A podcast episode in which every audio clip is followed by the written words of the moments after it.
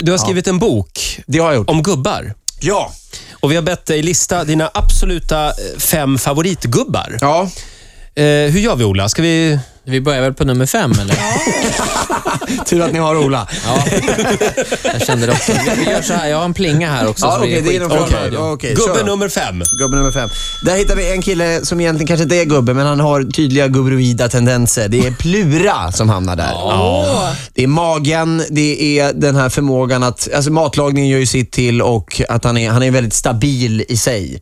Väldigt trygg Tycker du gubbe. det? Ja, ja alltså Trots inte, in, kokainskandaler och så. Mycket, mycket trygg. Alltså han är, jag skulle vilja säga att det är väl få som har hanterat en sån skandal på det sättet, förutom Plura. Ja, Liksom. men jag tycker inte gamla gubbar ska hålla på med kokain. Nej, jag tycker väldigt få Men- ska hålla på med nej, kokain, mm. men om just- han, råkar, om han råkar gilla kokain så är väl det hans bekymmer. Innan, eller miss, innan du tycker jag. fortsätter med listan, bara, gu- vad ska man uppfylla liksom? Alltså för man en behöver ha, gubbe? du behöver ha en pondus, är Mm. en sån sak man behöver ha. Du behöver ha en trygghet i dig själv som inte nödvändigtvis vi- vilar i ett självförtroende. Eh, Det finns en tydlig skillnad däremellan, Mm. men en trygghet i den du är och den du har blivit. Det finner jag absolut i Plura. Eh, och sen så handlar det också om att du du måste ha lite rent visuella Mm. uttryck som, som visar på att du Men är en är gubbe. Pluras rondör, är det till hans fördel? Så Ja, det skulle jag absolut vilja säga att det är. Jag skulle hålla med I det, faktiskt. här, I det här sammanhanget. I det här sammanhanget. I Tala andra med sån kan- tyngd och trovärdighet. Ja, det skulle jag absolut vilja säga. Ja. Ja. Men om man tror på det själv så kommer folk att köpa böcker också och så vidare. och så Okej, vidare. plats nummer fyra, Per. Ah, Gubbe nummer fyra. Ja. Bra. Det är, tur, det är som tur att ni har honom.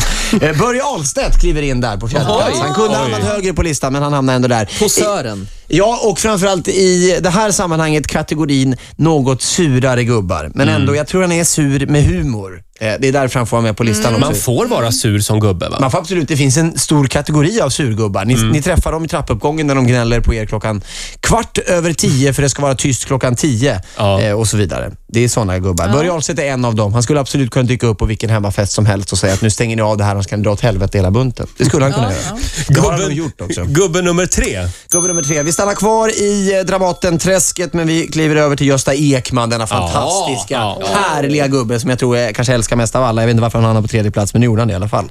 Eh, men han är ju en mysgubbe. Ja. Han är ju totala motsatsen till Börje Ahlstedt. Han kommer inte och skäller. Han knackar på och frågar om han får ta en liten punch på festen istället. Men Gösta Ekman ska akta sig för trenchcoat, för då blir det rätt ful gubbe Nej, har jag vet sagt. ni vem han du ska ska ge akta sig fan för? i att Nej, då blir det kritisera papp- Gösta Ekman. Det då ska du blir det göra. Papphammar. Nu är du Ja. ute, Ta på sig ni, ni är trenchcoat. ute på djupt vatten nu. Låt han vara. Jag tycker Gösta Ekman ska passa sig för sin fru, Marie-Louise Ekman. Varför det? De För jag tycker verkar vara hon så- har liksom förvridit hjärnan på honom. Nej, de är så Sluta härliga nu. tillsammans. Nu går vi vidare. Ni håller på att gå ner i någon form av att ni ska akta er för det här. Gubbe nummer två. Två. Gubbe nummer två, eh, och där har vi också, det är lite för att det är en personlig favorit, men Ulf Elving hamnar där. Ja. Och är, är ju liksom en radiolegend. Mm. Och han är, han är liksom... Om, om Gösta Ekman är en väldigt trevlig, sympatisk gubbe så är ju Ulf Elving En frisyr. ett hår.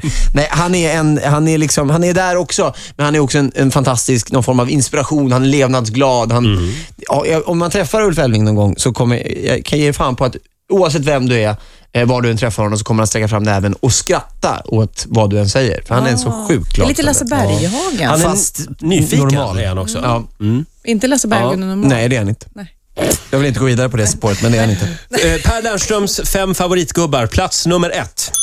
Ja, det kanske är, känns som en kliché, men det finns där också. Den här mannen är död. Eh, eh, han är inte svensk, utan han heter Ernest Hemingway Ja. och är någon form av förgrundsfigur när det kommer till gubbarna. Det handlar om att alla gubbar har en liten Hemingway i sig. En del släpper inte fram den alls, en del släpper fram den jättemycket. Lex eh, eh, Steffo Törnqvist till exempel, som vill vara en, Just en det. svensk Ja. Hemingway, fast det kommer han aldrig bli för han gör ost.